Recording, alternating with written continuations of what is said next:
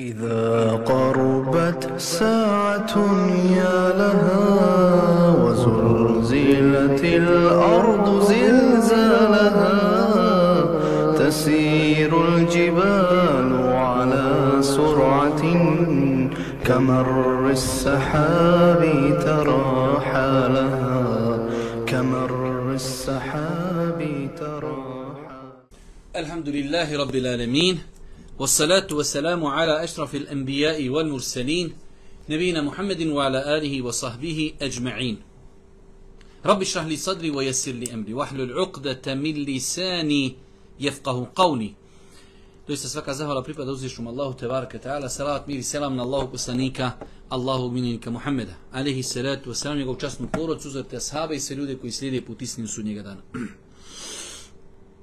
Evo nas u još jednom dersu i predavanju u kojem se družimo sa različitim knjigama. Projekat naše čitaoni. Trenutno čitamo knjigu Vjerovanje u Meleke, autora Alija As-Salabija. To je druga knjiga iz seta od šest knjiga. Nadamo se da prije što mi završimo će izaći treća knjiga. Ako ne izađe, vidjet ćemo šta ćemo. Prošli put u tjeskobi s vremenom nismo uspjeli da završimo ovu cjelinu kada smo govorili šta meleki zapisuju. Znači jedno od, jedna od zadaća meleka rekli smo jeste i to da zapisuju ljudska djela. Pa smo kazali da u svakog čovjeka imaju dva meleka koji evidentiraju i bilježi njegova i dobra i loša djela. Melek na desnoj strani evidentira dobra djela, a melek na lijevoj strani evidentira loša djela. Pa nam kaže autor šta meleki zapisuju pod naslov, znači na 162. strani, vjerski tekstovi dokazuju da meleki do u detalje, ne samo u općenitom smislu, zapisuju sve čovjekove riječi kao i djela, vidljiva i nevidljiva. Znači meleki evidentiraju sve čovjekove postupke, ne općenito, da kaže ošao je u džamiju, da ne, krenuo u džamiju u ime Allaha, svaka stopa, ušao bismilom, sjeo, zikrio, klanjao te jetu i tako, znači do u najmanje sitnice meleki evidentiraju čovjekova a, e, djela pa kaže sve čovjekove riječi kao i dijela i vidljivi i nevidljivi Pa smo kazali da velik broj ljudi ne zna, a to je Allahova opet da kažemo mudrost da je dozvolio da meleki znaju čovjekovu namjeru. Pa čovjek i kada radi dobro djelo, radi ljudi i meleki to znaju i tako ga i evidentiraju. Jer oni znaju, znaju zbog čega čovjek radi određena djela. Pa smo prošli put spomenuli ovdje argumente koji ukazuju da meleki zapisuju i evidentiraju čovjekova, čovjekove postupke. Mnogi, mnogo je ajeta i hadisa iz kojih se ima zaključiti da meleki u knjigu zapisuju sve što čovjek čini malo i veliko, te da će to, čovjek biti, da će to čovjeku biti pokazano i prikazano sudnjem danu. Znači malo, sitno, krupno, zato je došlo u Kur'anu ko uradi trun dobra vidjet će ga. Vidjet će ga zapisanog, vidjet će ga evident trun. Kad čovjek uradi trun dobra, meleki to evidentiraju. U vjerskim tekstovima nalazimo potvrdu da bivaju zapisana i djela koja čovjek srcem učini, e, pa smo o tome govorili detaljno. Vjerski tekstovi pokazuju da meleki zapisuju i dobra i loša djela nakon čovjek koji svrti. Ovo je baš fascinantno.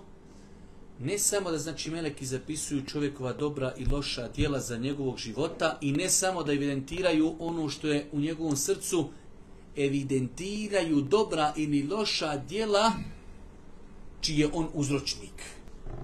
Pa smo rekli da onaj hadis Božijeg poslanika u kojem kaže nikada se neće na zemlji desiti bespravno ubijstvo, a da Ademov sin, onaj koji je ubio svoga brata, neće imati u tome udjela. Jer je on prvi koji to uveo i onaj koji drugi uradio to, uradio jer je se poveo za njim.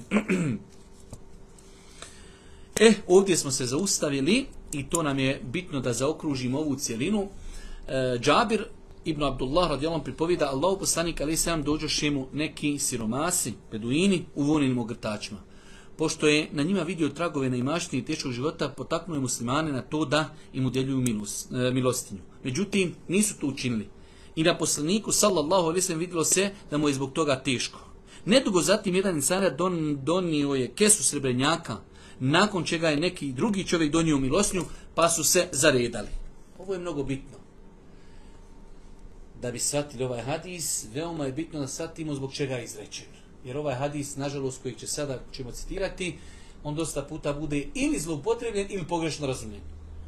Pa kaže, nakon toga kada je Boži poslanik vidio ovaj prizor, rekao je, ko uvede u islam lijep običaj ili koga oživi, će nagradu za to i nagradu onih koji ga budu prakticirali, a njihova se nagrada neće umanjiti. Ko uvede još živi u islamu ružan običaj, će grije zbog toga, a i grijehe onih koji ga budu prakticirali, a njima se grije neće umanjiti.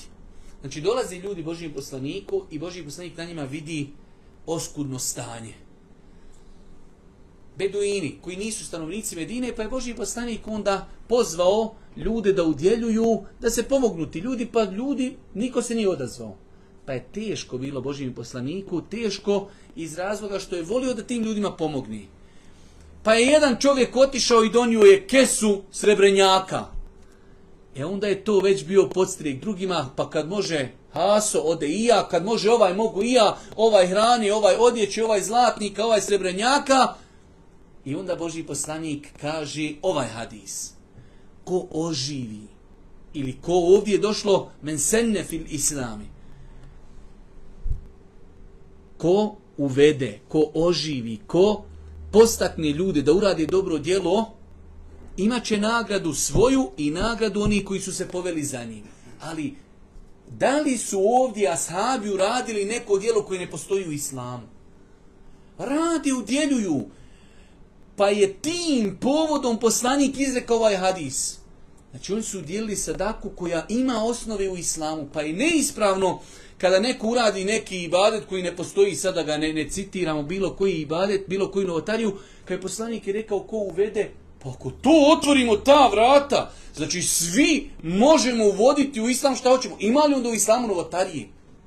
Ali neka ima lijepa novotarija i ružna novotarija. Nema lijepa, nema ružna, jer poslanik je rekao kullu bid'atin balala. Svaka novotarija je da, ti zavuda. I zato je veoma bitno naučiti večeras jedno zlatno pravilo. Kada hoćete o nekom pitanju šerijatskom govoriti, veoma je bitno da o tom pitanju uzmemo u obzir sve argumente. Dobro, kad kažem ovim ljudima koji se pozivaju na ovaj hadis, ljudi uvedu mevlud, sedminu, četiresnicu. Kaj pa mi ništa ne radimo što se zikrimo. Ljudi, uveli ste u vjeru nešto što je novo. Dobro, kako vi onda odgovarate na hadis Božijeg poslanika kullu bid'atin dalal. Svaka novotarija je dalaleti i Uzeli ste jedan hadis koji je dvosmislen. A ostavili ste onaj koji je apsolutno jasan. Zato kada hoćete da govorite o vjeri, morate o vjeri uzeti sve argumente određenog pitanja i onda donijeti zaključak. Pa se ovaj hadis, nažalost, mnogo puta i i neispravno razumije riječi Božih poslanika ko uvede u islam lijep običaj ili koga oživi, misli se ljudi su taj su, evo kod nas je prije rata, ko znao za akiku? Ma niko nije znao šta je akika. Došla naša braća Arapi otuda, kao pa donijeli su nama mnogo korisni stvari, donijeli i to da treba, rodilo se dijete, daj akiku. I tako se sunnet oživio. E na to se misli. Nešto od sunneta što je izumrlo, što je zapostavljeno, klanjanje Tehijetu mešćida, to je kod nas bilo izumrlo. Nazivanje selama, Allah te nagradio. To prije rati si mogu čuti neka je Allah te, sad uđeš u prodavnicu čovjeka, Allah te nagradio. To je bilo nepoznato. Pa je to oživljavanje vjerije koja je bila zapostavljena. Duha namaz. Možda je neko prije rata iznao za taj duha namaz, ali danas kad kažeš duha namaz, svi znaju to. Šest dana ševala, mjesec. Ko je prije rata to znao da se posti? Ko je znao da se posti dana šure Znali su pojedinci, ali sada internet, mase, oživljavanje propisa vjeri za ljude koji to ne znaju, e ovi se hadisi na to odnosi. Ko u islamu uvede lijep sunnet, oživi ga nakon što je zamru. Dizanje ruku na namazu. Sunnet koji je bio izumro. Pa je oživljen. I tako dalje. Pa ovaj hadis, njegovo ispravno razumijevanje jeste ko oživi nešto od vjeri što je bilo zapostavljeno. Nikako ko uvede u vjeru neku, neku lijepu novotariju. Nema u vjeri lijepi novotarija. I veoma je bitno razumjeti, pogledajte koliko je kao što ajet kuranski, da bi se određen kuranski ajet razumio, moraš znati zbog čega je izrečen. To se zove sebebun nuzul, povod objavi. I hadisi imaju razlog izricanja hadisa i onda ovaj hadis kada vidite kada ga je rekao Boži poslanik, pozvao ljude na sadaku, pa niko nije udjelio, pa jedan donio i onda Boži poslanik za njega kaže, e, ko u islamu oživi nešto ili ko uvede lijep običaj, imat će nagradu oni koji su se u njega ogledali, znači u ovom slučaju udjeljivanje sadaki. Tako da, e, rekli smo, e, da se vratimo na naše poglavlje Meleka, Meleki evidentiraju da ono što čovjek je uradio i on je bio uzročnik. Pa smo navodili ovdje primjere e,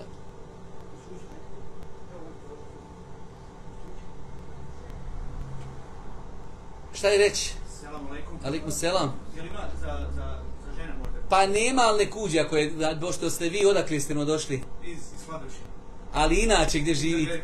Došli ste iz Amerike, inače nema za sestra, ali bojru nek sestra uđe, nek tamo sjedne, valjda će nas čuti. Hajde. Hajde se momci, vi sam pomadite naprijed, žena može proći. Ja sam mu brato prejavio se on meni preko mobitela, pa me rekao da dođe na predavanje, ali onaj nije on shvatio mene da nema predavanje za sestri.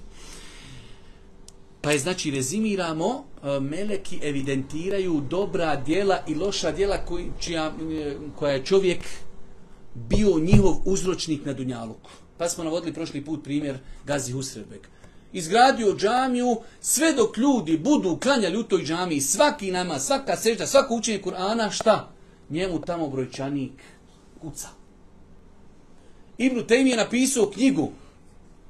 Dogod ljudi čitaju te knjige, Ibn ima se vapa. I zato je, mislim, jedna nakon interesanta, sad imamo mi sad jednu populaciju tu ljudi koji se osipaju, imaju osip, kad spomniš Ibn Tejmiju, oni džaba mažu se to mažu se raštim kremama, ali osipaju se na, na spomen tog velikog mučtehida ummeta, subhanallahovog kadera, da je on umro, on nije vidio plodove svoje davi. Živio, radio, pisao, borio se, gino lik, i umro i prošlo, znači, 700 godina, zapadnjaci kažu, nije mi, jer mi kad govorimo onda mi smo ono, ljubomorni. Zapadnjaci kažu, zapadnjaci, nemuslimani kažu, najuticajnija ličnost danas u islamskom svijetu Ibn Taymi. Najuticajniji insan koji sad, njegovi se citati, knjige, disertacije o njemu, iz njegovih knjiga, o njemu, ovo, ono, analiza njega kao ličnosti, najuticajnija ličnost je Ibn Tejmije. Nakon 700 godina. I god neko kaže, reku Ibn Tejmije, njemu seba. I ovi što se osipaju, kako god se oni ospu protiv njega, i njemu opet kapa, i njima kapa, samo što njima kapa nafta, njemu kapa i dobra djela, i tako dalje. U svakom slučaju, rekli smo, da mi povezivamo ove naše dersove neprestano sa našim životom. Čovjek treba da bude pametan, da bude pronicljiv. Brate, pazi šta ćeš ostaviti za sebe. Ako ne možeš ostaviti za sebe džamiju, ili jabuku, ili hajili česmu, vodu, nemoj ostaviti zlo. Makar nek ta pipa ti umro, nek makar tu pipu crnu zavrnu. Nemoj dozvoliti da ostane crna pipa otvorena i da na nju kapaju grijesi. Jer vidio sko što ima Menšavi, Husari, Abdusamed, ljudi umrli i danas dan po internetu stotine njihovih učenja Kur'ana. Kad god neko klikne, njima tu ide dobro djelo. Ali ima tako isto neki kraljeva muzike koji su umirali i on umre i kad god neko plitne play i on tamo skiči, pjeva, skače, idu njemu grijesi.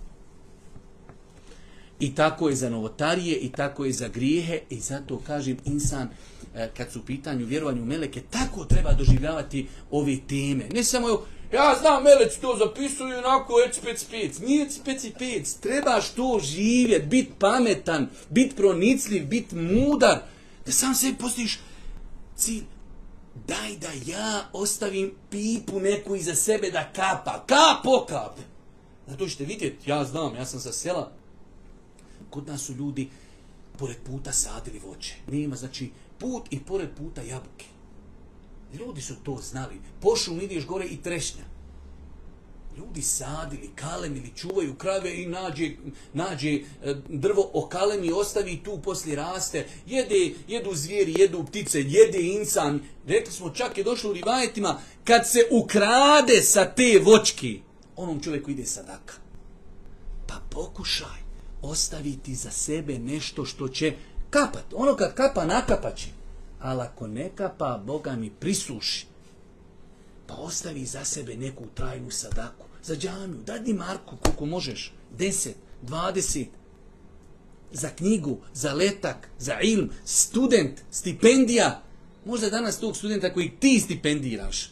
tima kojeg ti danas financiraš, Možda će to biti najveći ali, možda će to biti i Tejmije, možda će to biti Salahudin Ejubi, novi. Možda će to biti ima mezheba. A možda ti ga finansirao kad je bio jeti.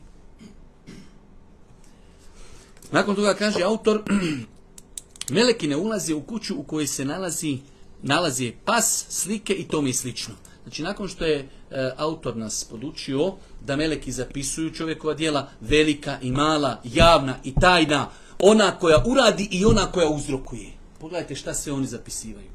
Mi to danas nekad malo i ono, ma je li to moguće? Apsolutno moguće. Ste vidjeli sad imate oni mrežni marketinge, pa ja uveo trojicu, ona trojica uvela petorcu, ona petorca uvela 90 i nije ka kompjuter ne greši. kaj je ti Haso dobivaš onog tamo 18. kojeg je uveo onaj 16. Sve evidentira kompjuter e meleki puno precizniji evidentiraju. On kaže, ja, sad naučio jednog sufara, on naučio stotinu, sad on, on stotinu naučio, ko oni kad uče ja nešto imam. Ne sikiraj se. Meleki, meleki to sve evidentiraju. Nakon toga kaže nam autor, meleki ne ulazi u kuću u kojoj se nalazi pas, slika i to slično. Mi smo rekli da u čovjeka imamo dva meleka, a vidjet ćemo da imaju još i dva meleka koja čovjeka čuvaju s prijeda i sa zada. E sad, imamo e, meleke koji čovjeka nikada ne napuštaju. To su ti koji evidentiraju i oni čak ti kad uđeš u WC, oni su s tobom u WC-u da evidentiraju što će ti. Kad bi bilo, e u WC-u ne ulaze meleki. Odeš u WC, YouTube i nagledaš se što će. E sad izlazim sad, sad ću ja pezića pustiti. Pezić. Ne, ne, Roki, oni su tu i kad si u kući i pod jorganom i u WC-u i na roštilju, gdje god si oni pišu. Ali ima druga opcija, ima drugi meleki, meleki rahmeta, milosti, blagoslova koji tebe postiću na hajr, koji dove za tebe. E takvi možeš ti sebi priuštiti njegovu blizinu, a možeš i odavati od sebe. Vjerujte, znate kako bitna tema. Znači ti svojim postupcima možeš ljude približiti, meleke približiti, a možeš i udaljiti. Imamo postupke koji udaljavaju meleke, imamo postupke koji približavaju meleke. Pa kaže uh, ovdje autor, Rasulullah s.a.v. rekao je meleke ne ulazi u kuću koji se nalazi pas, niti ulazi u kuću koji se uh, slike nalazi. Dvije stvari. Pas i slike. Kad su u pitanju psi, pogledajte vi danas, a, mislim, to je sad svačije pravo da radi po najznacima šta hoće. Ali što ti je trend, što ti je dalalet, što ti je zabluda. Vjerujte, znači, mi smo imali, ja sam živio, eto, to nedavno, na jednoj adresi, pa su, imamo mi tu zgradi, ono, imali smo ti neki komšija koji imaju pse, vjerujte da haustor smrdi. Kako onda onda sa njim živi tu kući? Valja ga zatvoriti sa svom u kuću. Kako ljudi živi sa? Prvo to je dunjalučki azab. Što to smrdi. Što je to dlakavo, što je to runđavo, što to hoće u WC, bolan ti u četiri sata ljudi vode i vodi će on trebe vrata, izgreba, sa dolije izgroba, zidove, ode čovječe, ruši, hoće u WC, ako ga ne odvedeš, hoće ti to u ratu u kući. Što je to muka, što je to azab, što je to belaj i u svemu tome ne ulaziti meleki. I u svemu tome je poslanik Ali se rad slan kaže svaki dan umanjuje brdo, kirat, kirat ko uhud. Čoveče, da, da si sam na pasteki, da dobra djela sam donosiš, pudlica vlišna, ali volka mu džigera. Pojde sve ono što si ti cijeli dan zikrio. A šta misliš ako ti to ne proizvodiš? Ti slušaš muziku po nargilama si, alkohol u kladioncama si, ili samo tamo imaš tu jednu malu čukicu koja pojde pokira dnevno. Brate moj dragi, to, pa pojde i komšina dobra djela kamo tvoja čovječ. Pa melek i rahmeta i milosti ne ulazi u kuću koja ima pas. To bi vjerniku bilo dovoljno. Ne ulazi melek u moju kuću. Gdje ne ulazi melek, ko će ulaziti? Pa, brate, gdje nema mačaka, ko u kući kolo vodi? Miševi, oni sada uzmu se kolo, dođe mačka, sakriva se. Gdje ima melika, nema šeitana. Kad čovjek svojim postupcima istjera šeitan, istjera melek iskuće, tu meleci kaže, e, ovo su tribine. Ovo je naše konačište, ovdje mi ljetujemo i zimujemo. Pas i slike. Ovdje se misli prvenstveno na dvije vrste slika slike živih bića i slike koje su obješene na zid. Sve mimo toga, da kažemo, je predmet različitih svatanja. Šta znači da vam eh, imaš dijete, u školi donijelo knjigu biologije i tamo u biologiji ima dijete se drži za ruke sa mamom. Da li ta slika potpada po tu zabranu? Allah ne zna, ne potpada. jeste to slika i ona je u kući, ali nije obješena. Pa ako se ispuni dva uvjeta da je slika živog bića, čovjek, žena i ostalo što je živo, i da je okačena, da se veliča, kao što su nekad su bili ko? Presjednici država, i danas dan imate takvi slika i Fatiha i Jasina i ostalih i ostalih dalali tako velikog broja bošnjaka. Bez obzira, na kraju ovo mi školska uspomena ili ono prija vakti ili bilo savjenčanja, uvećana slika, e, nemoj samo to dirat. Meleki ne ulazi u tu kuću. Ti hoćeš da imaš meleke u kući, onda to trebaš skloniti. Pa kaže, meleki ne ulazi u kuću u koju ima pas, i u koju ima u slike, prvenstveno se misli znači slike živih bića i slike koji su okačene. Nadamo se, pogotovo zbog to se zove u šerijatu ma ta'umu bihil belwa. Nešto kada postane svakodnevnica. Sad vi kad bi rekli neće ući melek u kuću koji ima bilo kakva slika, pa makar to bilo u nekom uđbeniku. to bi baš bilo trećenje. Ili slika koja ima u mobitelu i tako dalje. Tako da, nadamo se, inša se ovi hadis prvenstveno odnose na slike koje se veličaju.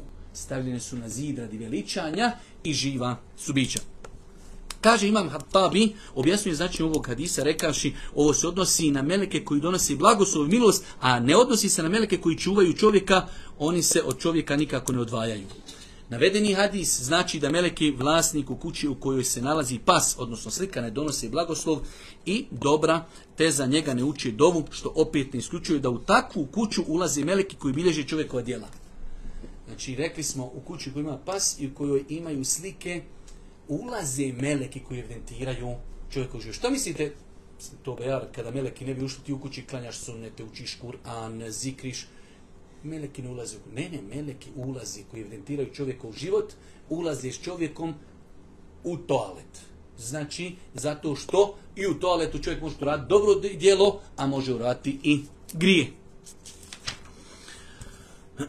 Nakon toga na kraju kaže, rezimira autor, prema tome meleki, plementi, pisari uvijek su uz čovjeka i bliži i bilježi sve što od njega prisjetni. Znači razlika je ovih hadisi e, u kojima je Boži poslanik rekao da meleki ne ulaze u kuću, misli se na meleke blagoslova. Meleke o kojima ćemo poslije govoriti, koji čovjeka postiču na hajr. Jer vidjet ćemo, e, uz čovjeka imamo šetane koji ga postiću na zlo, imamo meleke koji ga postiću na dobro. Nakon toga kaže autor, meleki čuvaju ljude. Znači rekli smo da imamo meleke koji evidentiraju čovjekova djela i imamo meleke koji čovjeka čuvaju. I vjerujte, no, možda čovjek kad nekad analizira svoj život, pa u vožnji si, pa brzo trzneš, no, sam sebe poslije začudiš, tu be kako sam se spasio. Allah najbolji zna, ali to su te situacije gdje meleki čuvaju, gdje meleki čuvaju čovjeka. Pa kaže se u kuranskom ajetu suri rad 11. Lehu mu'aqibatun min bejni min halfi min emrillah. U svakog od vas su meleki ispred njega i iza njega. Znači, meleki koji evidentiraju dijela su desno i lijevo. Ovi su ispred i iza. Po Allahom naređenju nad njim bdiju. U svakog od vas su meleki ispred njega i iza njega. Po Allahom naređenju nad njime bdiju. Allah neće izmijeniti jedan narod dok on sam sebe ne izmijeni, to je već drugi dio ajeta. Jahfalvunehu min emrillah. E, su tefsiri e, ovog ajeta jahfalvunehu min emrillah, ali u svakom slučaju jedan od tefsira jeste čuvaju čovjeka od onoga što mu se treba desiti. Kaže autor, ovaj uzvišen kuranski ajet ima sljedeće značenje. U svakog, uz svakog su čovjeka meleke koji ga od zla i neprijatnosti čuvaju danju i noću, smenjuju se. Kao što se smenjuju drugi meleki koji se brinu o njegovim dijelima. Znači imaju meleki koji čuvaju čovjeka i zaduženi su za njega. Zato je bio stav određenog broja učenjaka da u svakog čovjeka su četiri meleka. Dva koja zapisuju njegova djela i dva koji ga čuvaju. Resulullah s.a.v. objasnio nam je da postoje određeni zikrovi zbog kojih meleki čuvaju onoga koji izgovori. E sad, nakon što smo mi rekli da imaju meleki koji borave pored čovjeka, imamo sada dijela koja mogu to priuštiti. Zato e, zbog toga i čitam ove knjige. Da sami se, a da li ja to radim, da li ja to praktikujem, da li sam svjestan šta znači kada ima meleka koji me čuva. Vidjeli ste kad čovjek legne spavat on je, kad bi ga sada uzeli u nekom širijem smislu, on je na jednoj velikoj poljani spavaš, nezaštićen si. I džini, i šetani, i različite, e, različite uznemiravanja te mogu zadesiti. Ali kada proučiš zikrove, melek stoji pored tebe i čuvate. Pa je veoma bitno da čovjek pazi na takvi stvari. Pa kaže prva stvar učenje ajetul kursi. Znači, nakon ko što smo konstatirali da meleki čuvaju čovjeka, imamo određene situacije, određene ibadete koji čovjeka pribavljaju mu to čuvanje melika. Od Ebu Hurire se prenosi da je rekao Rasulullah sallallahu sallam ovlastio me da čuvam katul fitr. Pa je došao neki čovjek i uzeo nekoliko pregršta hurmi. Znači poznati onaj hadis da je Boži poslanik zadužio Ebu Huriru da čuva katul fitr. Pa dok je on stražario, došao je čovjek i počeo uzimati tu hranu, pošto se sada kad u to vrijeme izdvajao u hrani. I danas je od suneta se izdaje u hrani, ali eto, onaj, ljudi izdvajaju i u novcu. Pa ga je uhvatio lopo, Šta je? Kaže, imam veliku porodcu, djeca, bjeda, sirotinja, tamo vamo, pusti me, neću više. Pa ga je Buhurire pustio.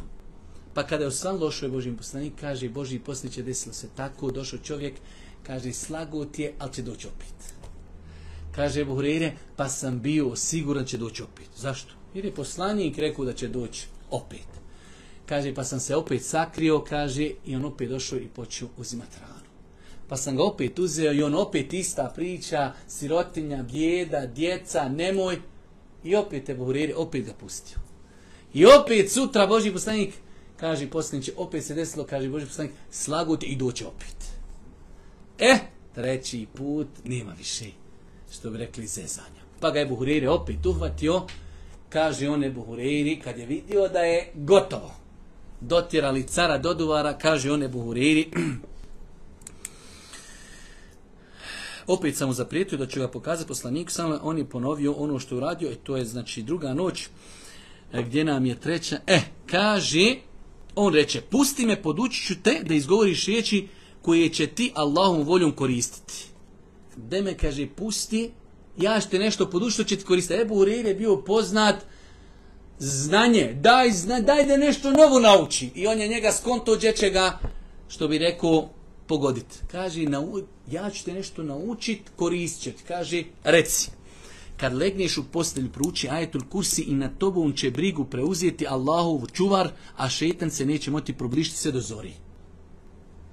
Ovo je sad još tvrdnja. Ne zna je Buhriri uopšte još s kim priča. Kaže, kad legneš spavat, prouči atel kursi, imaš zaštitu, sve do zori, ne može se čuvate melek, a ne može se šetan primakiti. Kaže, pa je otišao Božim poslaniku sutra dan i kaže desilo se ponovo došao pa mi rekao da ću nešto podučit pa mu Boži poslanik rekao onaj poznati hadis, sadekake ke kezub, rekao ti istinu iako je on lažac. On generalno laži, ali to što ti rekao istina. Pa je Boži poslanik odobrio ovu informaciju da ko prouči kada kreni spavati ajtul kursi, da će imati zaštitnika od uzvišnog Allaha od strane Amerika i da mu se do sabaha neće moći približiti šetan. Pa insan treba da uvede sebi to u praksu kad legne spavati, između ostalih zikrova imamo učenje tri puta kulhu valla, kulhu fera, nas.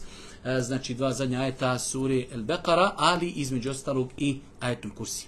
Pa je to prvo dijelo koje pribavlja čuvanje melika. Drugo dijelo jeste učenje posljednjih ajeta sure El Bekara. U vezi s tim je Boži poslanik kazao je ko noć prouči posljednja dva ajeta sure El Bekara, to će biti dovoljno. Kefetahu ta dva ajeta, kaže kefetahu, ta dva ajeta će mu biti dovoljna. Islamski učenjaci su navodili i sedam različitih mišljenja šta znači bit mu dovoljna, da bi na kraju e, došli učenjaci koji su kazali sve to što su rekli učenjaci je obuhvaćeno tim riječima bit mu dovoljno. Čak su neki kazali bit će mu dovoljno da ne mora ustajati na noćni namaz. na čovjek koji je krenuo spavati, prouči dva ajeta, posljednja sura El Bekara poznati kod nas kao Amen Rasulu, ona dva zadnja ajeta, kaže Kefetao, ta dva ajeta će mu biti dovoljna, dovoljna će mu biti za na noćni namaz. I ispravno je Allah najbolje zna, kao što je e, spomenuo dio učenjaka, a evo i ovdje to autor u jednu ruku e, kroz dva mišljenja. Imam nevi kazu, islamski učenjaci na različite načine shvatili su ovaj hadis, pa su neki rekli da je značenje hadisa bit će zaštićen od svake nesreće u toj noći. Kefetahu, ta dvajeta će ga čuvati, bit će mu dovoljna od bilo kakvog zla. To je jedno značenje. A neki su opet rekli da ovaj hadis znači bit će mu, e, to će mu biti dovoljno, te ne mora klanjati noćni namaz moguće da ove poslanikove riječi obuhvataju, kaže ova ova značenja, a imamo druge učenjake koji su, ja sam danas istraživao ovo pitanje, gdje učenjaci navodi od 7 do 8 različitih svatanja ovih riječi, a sve te riječi mogu biti obuhvaćene ovim hadisom, ko prouči dva zadnja ajeta sure El Beqara, znači e, kada kreni spavat, kefetao, bit će mu dovoljni. Čuvat će ga od svakog zla, bit će znači, zaštićen, sačuvan e, i mnoga druga različita značenja. Treći učinje suri El Ihlas, Felek i Nas. Svalno. Pogledajte opet s jedne strane kako je vjera lijepa i lagana. Šta misliš sada da hoćeš onda se nečim zaštitiš kaj praš ući cijelu bekaru. to i po džuza. Opet mi se isplatilo. Ležiš ti, bo ti kad zaspiš, ti si na na vjetrometini, džini, šeitani dolaze i pored tebe, da treba proući cijelu bekar da se zaštiti, vjerujte, nije puno. A ne, proući kursi. Proući zadnja dva ajeta. Proući kul huvalla, kul uzrab fela, kul nas. I nismo svjesni veličine ti sura koje mi naučimo dok smo mala djeca u Mejtefu. odeš u Mejtef i odmah prvo što naučiš, svakako prvo ide Rabi jesir, pa nakon toga Fatiha, nakon toga kulu uzrab felek, kulu uzrab nas, kulu valla. Naučiš kulu valla, trećina Kur'ana čovječe. Boži poslanik kaže e, sura Ihlas jadilu. Znači vrijedi kao trećina Kur'ana. Čak je došlo u hadisu da Boži poslanik rekao sadma, je li može neko od vas da jednu noć, za jednu noć prouči trećinu Kur'ana? Poslanić, ko može deset džuzeva valja proučiti? Kaže trećina Kur'ana on, odnosno sura Ihlas vridi kao trećina Kur'ana. Proučiš tri puta kul huvalla, kuda si Kur'an proučio.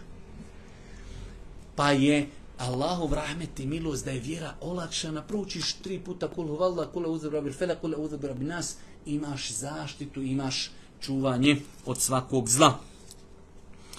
Tako da je došlo u vjerodostojnom hadisu, kaže da je Abdullah ibn Hubeyb kazao jedne kišoviti i veoma mračni noći pošli smo tražiti poslanika kako bi nas predvodio namazu. Pošto smo ga našli, on reče, uči, prouči.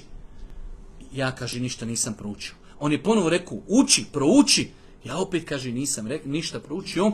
Tada mi je Allah poslanik, ali se letu nam reče ponovo, prouči. Tada sam pitao, Allah poslanik, šta da proučim? Kaže, prouči suru, kul huvalla, kul udrabi fela, kul udrabi nas, po tri puta kada omrkniš i kada osnoviš, to će ti biti zašto od svakog zla. Znači, i dok piješ kafu, Usto si tri puta kolo udra bil fela, nas i kulu valla, kulu udra bil fela, udra nas.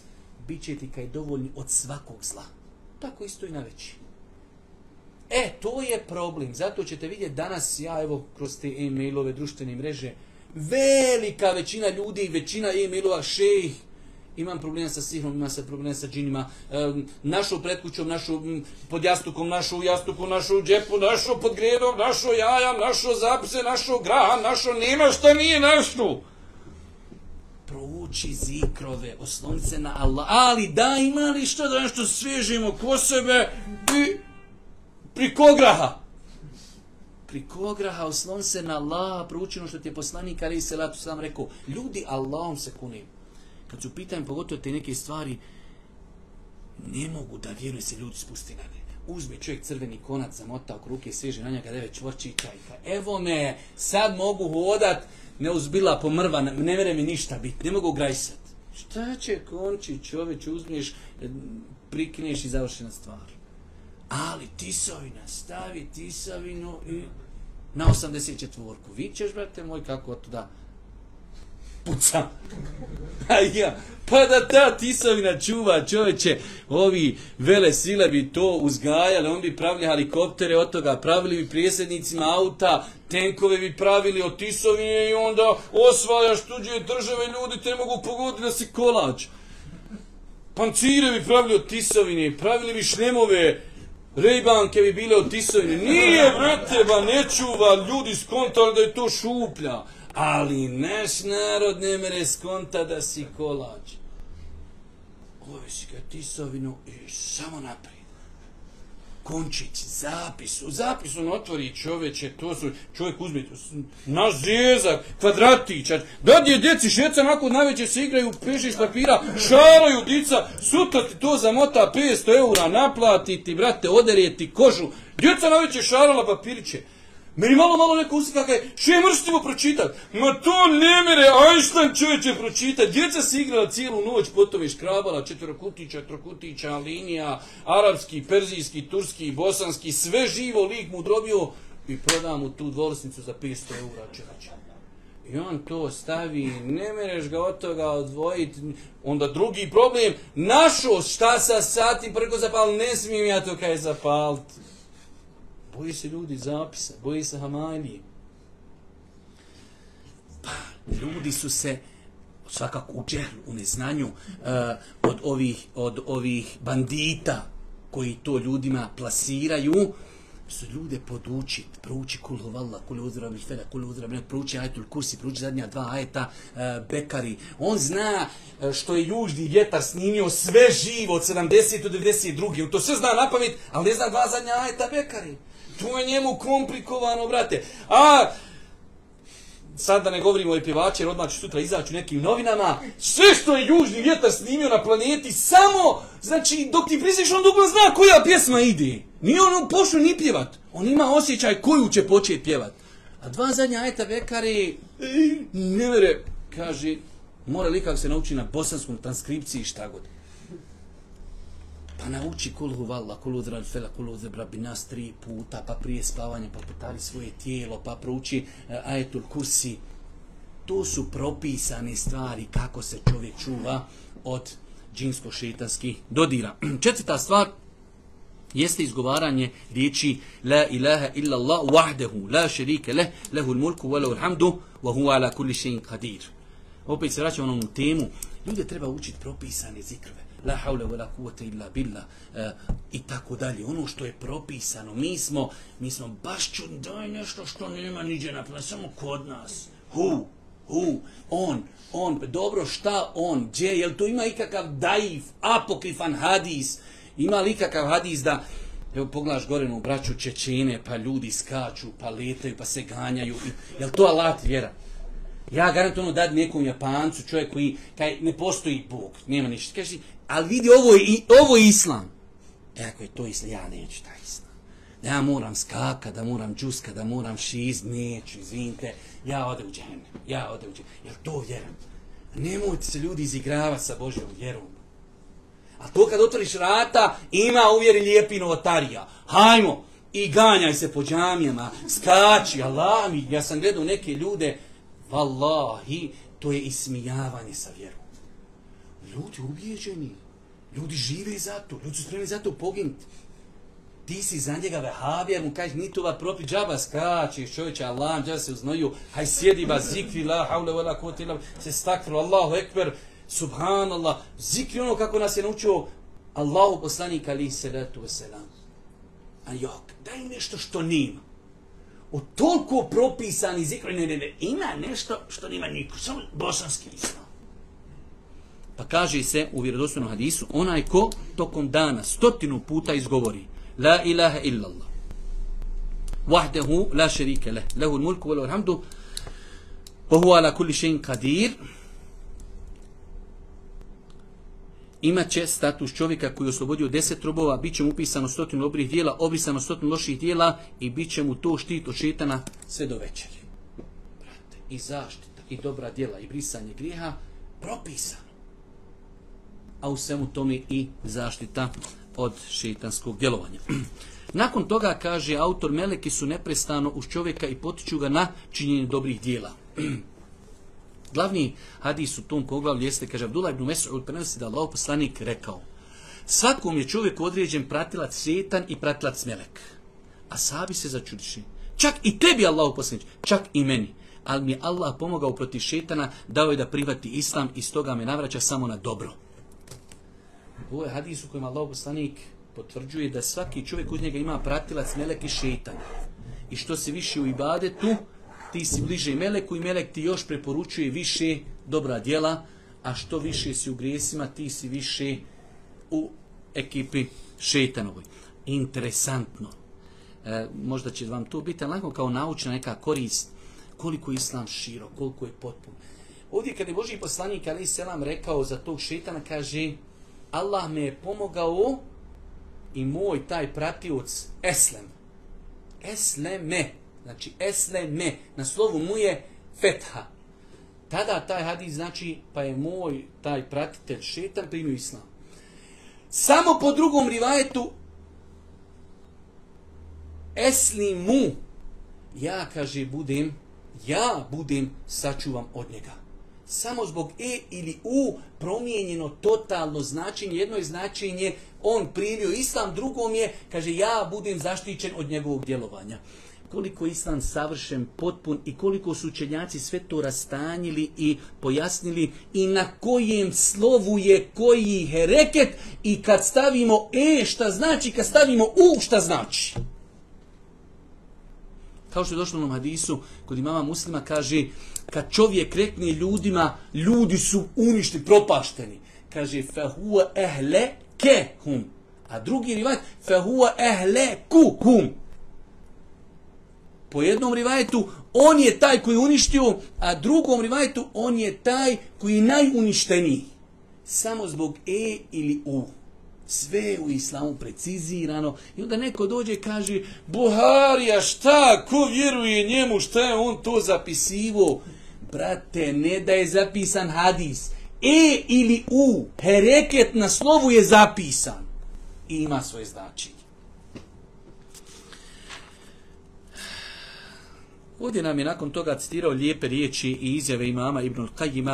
E, rezime svega toga jeste da insan kada radi dobra djela osjeti sreću, zadovoljstvo jer je potpomognut melekima. Oni ga nagovaraju, oni ga postiču. Kada čini grijehe, onda osjećite, osjetite gobu, teškoću. Zato ćete danas vidjeti ovaj zapadni svijet. Pa i naši ljudi koji idu u zapadni svijet, a pogubi se. Leti, trči, pa možda ima pet puta više nego što je ovdje imao. ne nesretan. Zašto? U grijesima, u kamati, u alkoholu, u kladionicama. Ne zna gdje je džamija, ne zna gdje je udruženje gdje muslimani džumu klanjaju.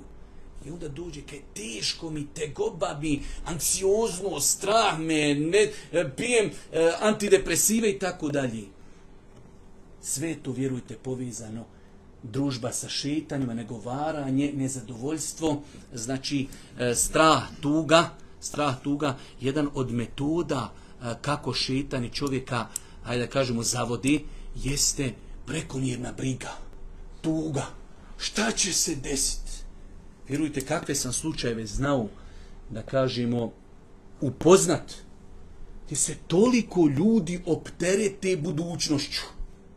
Vjerujte ono kad je nedavno bilo, e, ono kad je počela tek Ukrajina. E, miru ši, ja sam ja ne znam šta, šta, šta se reko dešava, majka mu O, rekao, kod nas u Bosnu, pa korona, rekao, kod nas ba ne koloni, ništa, rekao, mi živimo, reko, normala, Kod nas, kaže, stjeral nas učošak, nosi ovo, ši, radi ovo, radi Mo rekao, brate, kod nas rahatluk živi, haj vamo. Ali ljudi zaista, ljudi ustrašeni, ljudi u brigama, u tugama, kljukaju tablete. Sve to, vjerujte, povezano. Sve to povezano. Nakon toga kaže nam autor, meleki su svojevrsni izaslanici između gospodara i ljudi. Svakako ovdje je najbitnija stvar koju treba da znamo, kaže Allah istinti odabrao je među ljudskim, e, ljudskim rodom pojedince kojima je ukazao čast tako što ih je učinio poslanicima i poslao, ih, poslao im meleke da im prenesu Allahove zapovjedi i načela vjeri. Znači od zaduženja meleka jeste da budu izaslanici uzvišnog Allah prema ljudima. Prvenstveno jeste, Džibril Ali Selatu Selam je najviše obnašao tu funkciju kada je u pitanju e, dostavljanje objavi, ali su e, meleki imali jednu širu, imaju jednu širu, da kažemo, zadaću, sav taj neki kontakt sa ljudskim svijetom, jedno od zaduženja jeste i to zaduženje, znači da su meleki i zaslanici ljudima, svakako kad se kaže ljudima, prvenstveno se misli na poslanike, ali imamo slučajeve gdje ćemo vidjeti e, slučajeve, sjećate se kad smo nedavno pričali na hadisu, na trojica, kada je čovjek bio e, gubavac i čelav čovjek, njima su dolazili meleki u ljudskom obliku, nisu poslanici. Pa imamo drugi hadise kada onaj čovjek krenuo da posjeti svoga brata muslimana u drugom selu, pa mu je došao melek u ljudskom obliku. Znači i meleki dolazi i drugim ljudima mimo poslanika, ali generalno, znači prvenstveno su zaslanici poslanicima. Eh, ovdje nam je spomenuo da je Džibril, kako se Džibril, pošto je Džibril donosio objavu Božim poslaniku, ali se to se nam spomenuo, jednako nije to loše da čovjek zna u kakvim se verzijama pojavljivao Džibril Božijem poslaniku, pa kaže prvo vjerovjesnik, sallallahu se ne bi vidio Džibrila, ali bi čuo njegov glas i pamtio bi ono što govori. Jedna od načina kako je Džibril dolazio poslaniku, dolazio bi da ga ne vidi ali bi čuo njegov glas, ponavljao bi za njim i tako bi došla objava. To je jedan način. Drugi način je da bi dolazio u izvornom liku. I rekli smo da je tako Boži poslanik samo vidio dva puta Džibrila. I treći način jeste da je dolazio u ljudskom obliku. I rekli smo da je najviše dolazio u obliku ashaba Dihi eh, El Kelbija koji je bio izuzetno, izuzetno lijep.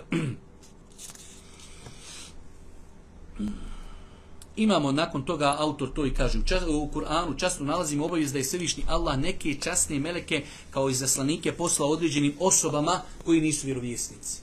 Pa znači postoji kroz historiju osobe i ličnosti e, kojima je uzvišen Allah ta'ala slavu meleke, ali smo rekli da je to jedno škakljivo poglavlje, nažalost nekada šetan priđe ljudima na taj način Vjerujte, kad učenjaci govori o tome kako šetan zavodi ljude, jedan od metoda zavođenja ljudi jeste da se šetan ljudima prikaže i kaže ja melek.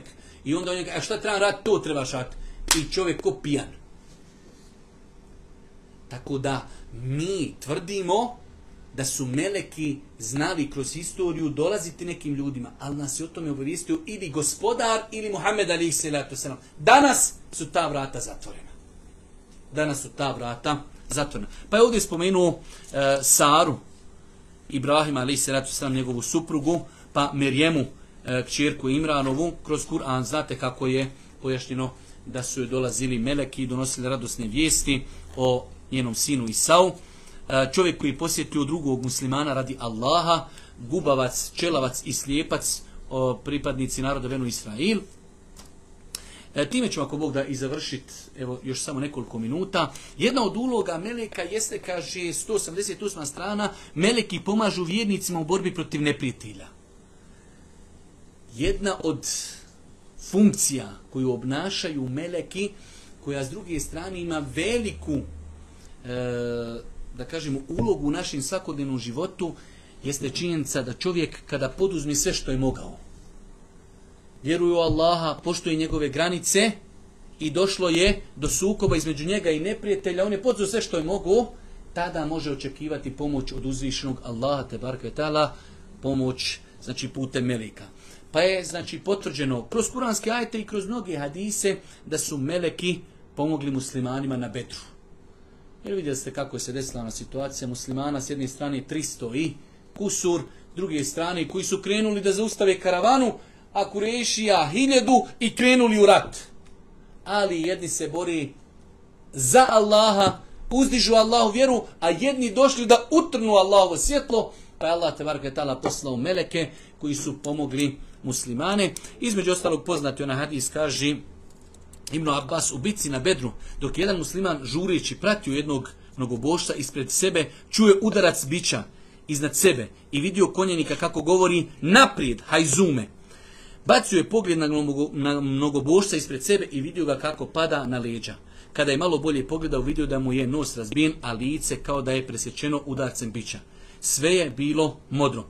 Potom se Ensar je uputio Allahom poslaniku i ispričao mu šta se dogodilo. Allahom poslanik je rekao, istinu si rekao, to je pomoć i podrška trećeg neba će Allah poslanik jasno potvrdio, imamo druge hadise, e, kaže na dan bitke na bedu vjerovjesnik sallallahu sallam rekao je, evo pojavio se Džibril drži svoga konja za ular, za glavu, a na njemu je ratna oprema.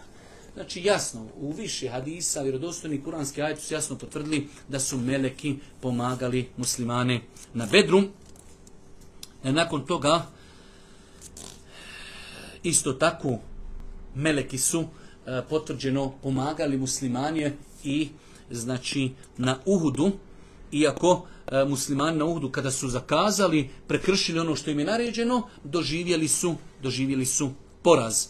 Isto tako e, Ibret i Pouka u tome da su meleki učestvovali u bitci na Azabu, znači bitka na Hendeku ili bitka sa saveznicima da su subhanla s jedne strane samo je Hendek, s jedne strane muslimani, s druge strane nemuslimani, nevjernici, da tamo puše vjetar, da odnosi ljude, s druge strane muslimani koji ne osjeti bukvalno, hajde da kažemo, ništa. Pa uzviš Allah subhanahu ta'ala pomogao muslimane i e, u bitci protiv saveznika, a znate da kada je završena ta bitka, e, Boži poslanik u Medini bio između dva neprijatelja ispred su došli saveznici pa su iskopali ondi Hendek. A u toku tog opsjedanja eh, židovsko plene Benu Kureda koje je bilo iza leđa, poslanik je imalo sa njim ugovor, do, donio, dobio je Boži poslanik informaciju da su oni prekli ugovor. Pa je Boži poslanik bio u sendvič. Pa su riješili jednog neprijatelja, Allah i pomogao, pa je Boži poslanik ošao kući i je gotovo završeno. Kaže, došao Džibril, kaže, ste vi ostavili oružje? Kaže, jesmo. E mi, kaže, još nismo. Gdje ćemo? Pa su otišli do Benu Kurezi. Tako da, znači, jasni argumenti koji ukazuju da su muslimani e, pomognuti bili i u bici e, protiv saveznika i u bici protiv Benu i na kraju Mereci su e, pomagali muslimanima i u bici na Huneinu. E, u svakom slučaju, ovdje ćemo se inšala evo i zaustaviti, ali evo, znači kao posljednja informacija, jedno od dijela koja radi e, meleki jeste i pomaganje vjernicima e, onog momenta kada vjernici poduzmu sve od sebe. I to je nešto što čovjeku daje i optimizma i snagi.